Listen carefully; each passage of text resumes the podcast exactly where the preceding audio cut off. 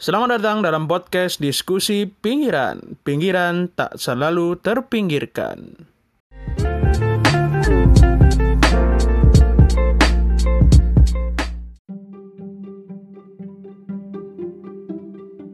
Assalamualaikum, kembali lagi di podcast Diskusi Pinggiran. Di episode kali ini kita akan membahas mengenai isu politik. Berbeda dari isu biasanya yang biasanya kita bahas corona, kali ini ada isu politik menarik karena belakangan eh, PDIP, Partai Demokrasi Indonesia Perjuangan, berpolemik dengan eh, daerah dan masyarakat Sumbar. Nah, polemiknya itu berkata, berkenaan dengan eh, pernyataan dari Ketum PDIP yakni Megawati Soekarno Putri yang mengatakan bahwa mempertanyakan sebenarnya kenapa rakyat Sumbar itu kok sepertinya belum menyukai PDIP gitu. Kemudian di eh, apa ditambah lagi dengan pernyataan eh, Ketua DPR Puan Maharani yang mengatakan bahwa eh, semoga ya dia berharap bahwa rakyat Sumbar ini mendukung Pancasila. Jadi seolah-olah eh, mencari dukungan gitu dari masyarakat Sumbar gitu. Nah, saya kali ini tidak sendiri karena ditemani oleh eh, Bung Hanif Arazi ya. Beliau ini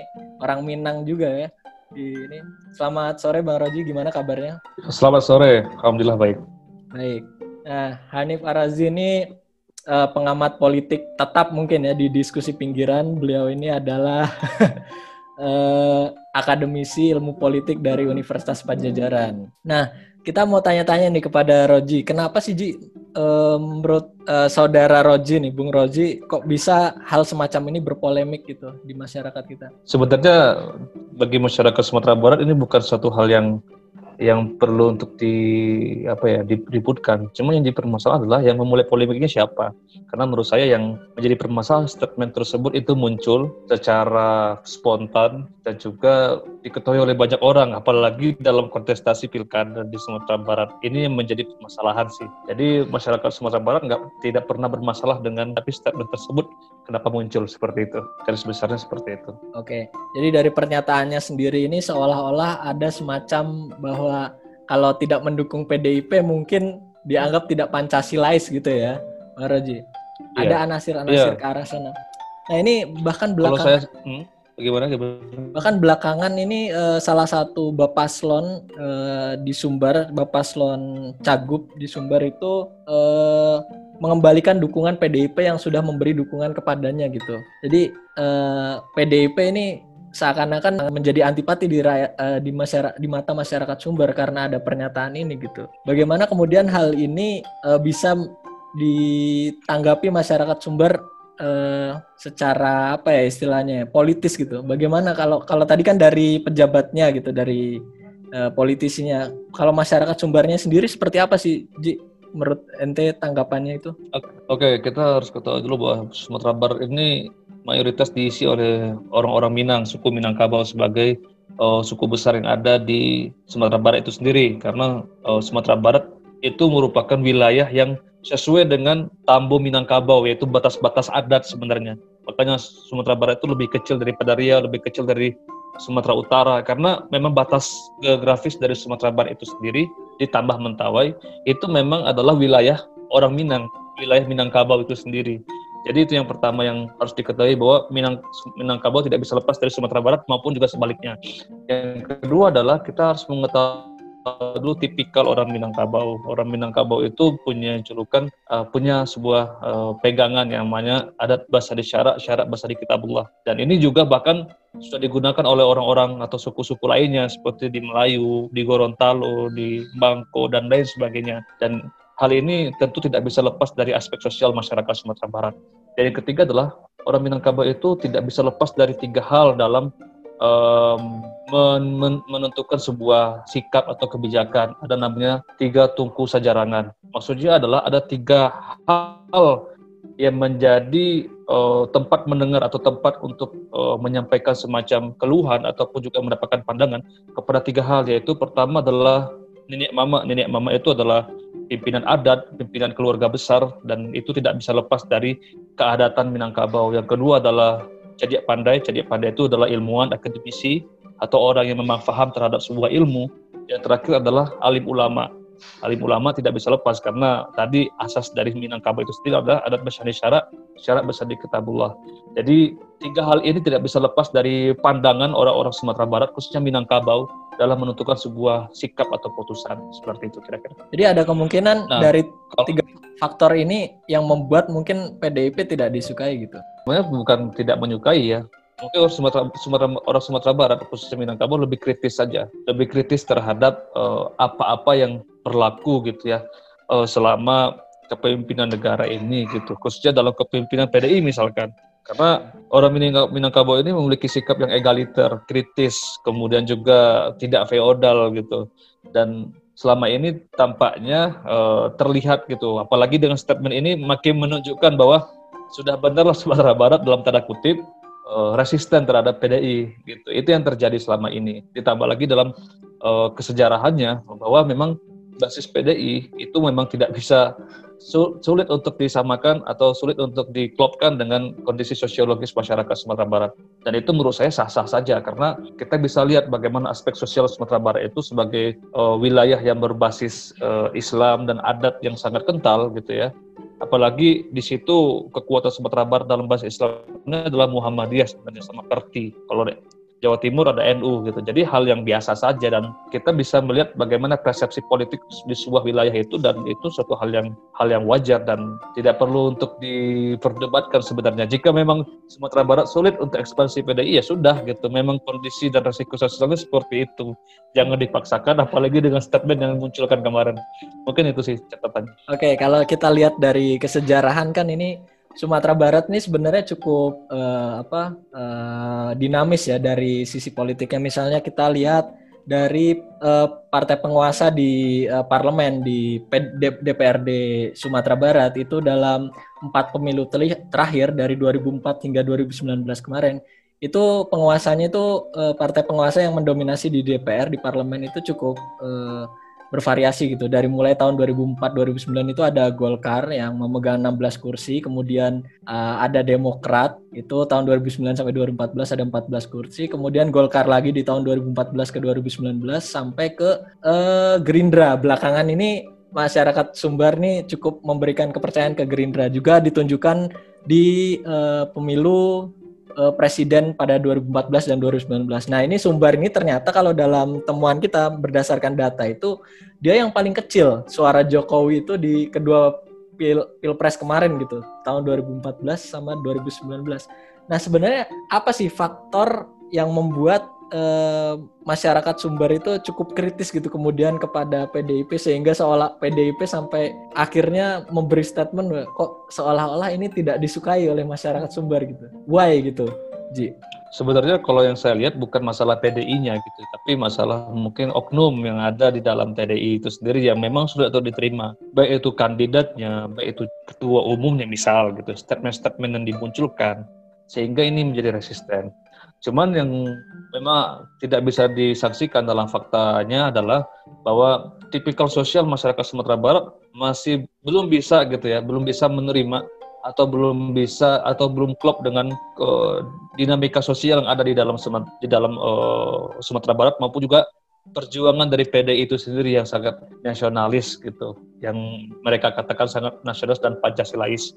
Nah, sebenarnya yang menjadi soalan itu adalah Sumatera Barat berusaha untuk mencari hal yang sifatnya moderat gitu ya, ketika narasi nasional, nasional nasionalisme dan juga narasi keislaman itu bisa hidup berkesinambungan karena tadi asas utama dari Minangkabau yang adat, syarat, dan ketabulah tersebut tidak bisa lepas dalam kehidupan sosial Sumatera Barat. Makanya tetap yang menjadi kita sayangkan adalah tadi ya oknum-oknum tadi yang menunjukkan statement ataupun juga tindak tanduk yang dilakukan selama ini gitu ya. Sehingga tadi penerimaan masyarakat khususnya kepada partai eh, yang namanya PDIP itu sejak bahkan bukan dari tahun 2009 dari tahun 2004 kalau kita lihat pilpres pilpres di Sumatera Barat 2004 itu yang menang Amin Rais hmm. kemudian SBY menang SBY juga menang lagi di 2009, kemudian juga Prabowo menang, dan sekarang Prabowo juga menang. Jadi tipikal masyarakat untuk memilih pemimpin juga ada spesifikasinya. Kalau pernah Gubernur Sumatera Barat menulis sebuah opini kita di koran oh, Singgalang, koran besar di Sumatera Barat.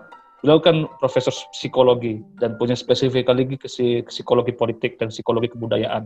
Nah, beliau menuliskan bahwa tipikal masyarakat Sumatera Barat itu ada ada tiga T, ada tageh, takah, dan tokoh. Tageh itu adalah ketegasan, kepemimpinan yang tegas dalam memberikan semacam uh, arahan, memberikan uh, kebijakan, memberikan uh, panutan kepada masyarakat. Takah, takah itu adalah dia cerdas dalam berpikir gitu ya. Dia cermat dalam melihat situasi, kondisi, uh, sehingga terlihat kecerdasannya dan ketokohan, yaitu bagaimana dia bijak dalam memberikan nasihat, memberikan ketenangan kepada masyarakat, memberikan pernyataan-pernyataan yang hangat dan juga justru malah me, uh, menguatkan uh, sebuah saudaraan dan uh, kebersamaan yang ada di dalam uh, suatu masyarakat atau sosial. Jadi tiga hal ini sudah menjadi ciri khas dan tipikal kepemimpinan Sumatera Barat sebenarnya. Jadi kita lihat kan bagaimana partai penguasa justru malah, malah bukan PKS. Walaupun yeah. dua periode ini keguburannya dari PKS gitu. Jadi walaupun katanya dekat ini hal dengan yang, Islam hal yang ya. biasa gitu. Walaupun dekat dengan Islam, buktinya apa? Karena apa? Ada figur-figur atau tokoh-tokoh atau ya tadi mungkin anggota parlemen yang terpilih juga sangat islami walaupun bukan dari partai Islam dari mungkin dari Golkar atau Demokrat. Jadi tandanya adalah ini bukan masalah partai, ini masalah bagaimana tiga aspek tadi takah, tagih dan tokoh tadi oh, bisa uh, sesuai dengan uh, tipikal masyarakat dan sehingga bisa terpilihlah tiga aspek tadi menjadi ciri khas kepemimpinan di Sumatera Barat seperti itu kira-kira. Hmm. Bagaimana kemudian ini Bung Roji PDIP bisa selanjutnya di kemudian hari atau di pilkada inilah kemudian memberi, mengembalikan kepercayaan lagi masyarakat Sumbar untuk memilih PDIP gitu. Sebenarnya saya tidak tahu ya bagaimana cara masyarakat Sumatera Barat bisa memilih PDI karena preferensi masyarakat Sumatera Barat sebenarnya bukan dari partai juga sebenarnya.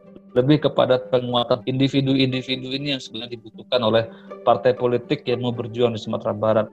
Bisa memberikan tadi tiga aspek tadi maupun juga kepercayaan kepada masyarakat.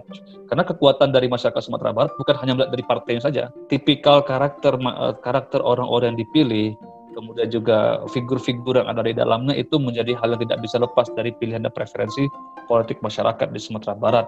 Nah, ini menjadi catatan tersendiri. Kemudian yang harus diperhatikan bahwa kemenangan-kemenangan politik yang ada di Sumatera Barat itu selalu bergilir. Ya, Tahun ya. 99 itu sebenarnya yang menguasai Sumatera Barat itu adalah PAN. 99 PAN, 2004 dem, uh, uh, sorry uh, Golkar, kemudian Demokrat Golkar lagi, kemudian Gerindra. Sehingga tidak ada dikatakan bahwa Sumatera Barat basisnya basis Golkar, basis Demokrat, nggak ada seperti itu. Selama dia apa tadi tipikalnya atau sifatnya bisa menyeimbangkan antara adat, uh, syariat, uh, kemudian juga nasionalisme, maka itu clear gitu dan itu menjadi ciri khas atau tipikal yang bisa dipilih menjadi preferensi politik masyarakat Sumatera Barat itu sebenarnya menjadi kunci. Tapi kemudian ini PDI tidak menjadi salah satu mungkin yang dominan di sana gitu. Apakah ada uh, kemungkinan misalnya blacklist karena ada sikap politik tertentu yang tidak sesuai dengan masyarakat uh, Sumatera Barat, Bung Rozi? Sebenarnya masyarakat Sumatera Barat khususnya melihat PDI ya karena pertanyaannya spesifik kepada PDI, ini bisa lihat dilihat dari kepemimpinan PDI itu sendiri mungkin secara nasional sejak tahun 2002 ketika Bu Megawati ya menjadi presiden waktu itu. Bagaimana masyarakat Sumatera Barat melihat bahwa ada ke, ada yang loss dalam kepemimpinan itu, misalkan kenaikan harga BBM, kemudian juga penjualan-penjualan aset, sehingga masyarakat Sumatera Barat melihat dari itu, bukan hanya melihat dari kepemimpinan yang sifatnya formal saja, tetapi juga dari kebijakan-kebijakan, output-output kepemimpinan yang dilihat. Ditambah lagi keetisan. Nah, jadi harus diakui bahwa ada nilai-nilai egaliter yang muncul di Sumatera Barat. Apakah layak nih pemimpinnya perempuan? Dan ini juga menjadi hal yang menarik dan juga menjadi hal yang perlu dipertimbangkan gitu sehingga oh, ada hal yang tidak bisa lepas dari aspek-aspek tadi karena tadi Sumatera Barat merupakan wilayah yang religius gitu ya.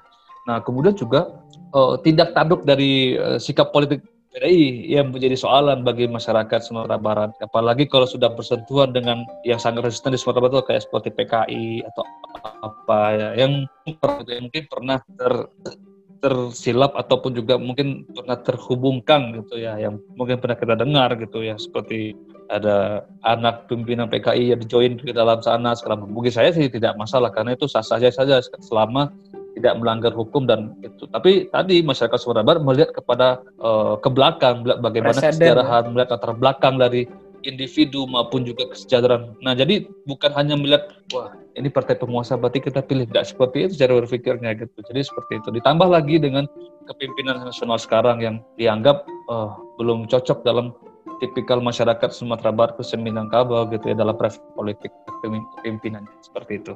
Ya, ini kan kalau melihat penjelasan Roji sepertinya masyarakat Sumatera Barat selain religius tapi juga di sisi lain itu rasional gitu dalam memilih pemimpin atau kepala daerah atau dalam partai politik gitu ya.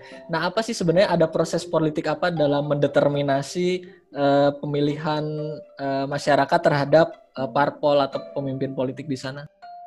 Saya nah, dengar ada praktik malapau katanya. Ah ya, itu salah satu unsur kebudayaan kebudayaan Sumatera Barat yang sifatnya sangat-sangat kecil dan sangat-sangat mikro tapi ini menjadi hal yang besar karena dari aspek mikro tadi ya Malapa itu adalah kebudayaan masyarakat Sumatera Barat ketika uh, selepas pulang dari surau atau masjid mereka pasti akan melapau. Melapau itu tempat mereka untuk berdiskusi hal-hal yang sifatnya kepada lingkungan sosial uh, maupun juga preferensi atau per, mendiskusi tentang isu politik.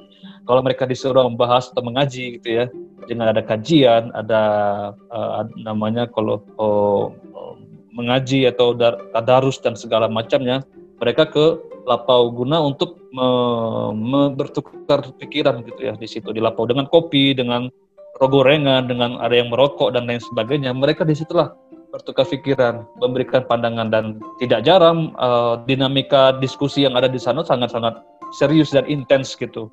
Jadi masyarakat Sumatera Barat bahkan dari skrup mikro saja sudah diajarkan untuk kritis dari kebudayaan-kebudayaan yang sudah turun-temurun seperti Malapau tadi. Dan ini ada penelitian antropologisnya dan sosiologisnya dan ini tidak bisa terlepas juga dalam aspek-aspek tadi terhadap preferensi politik masyarakat Sumatera Barat dengan kebudayaan-kebudayaan atau kebiasaan-kebiasaan yang sudah turun-temurun seperti ini. Makanya lapau-lapau di Sumatera Barat itu bukan seperti warung begitu saja, tapi harus ada meja, ada camilan, ada kopi, ada teh pun yang sifatnya bisa menjadi teman untuk ngobrol dan diskusi. Jadi warkop itu udah sudah menjamur di perdesaan maupun juga di perkotaan di Sumatera Barat. Seperti itu. Oke, jadi ada proses rasionalisasi politik dan deliberasi mungkin ya, eh, diskusi yang intens untuk menentukan pilihan politik di sana.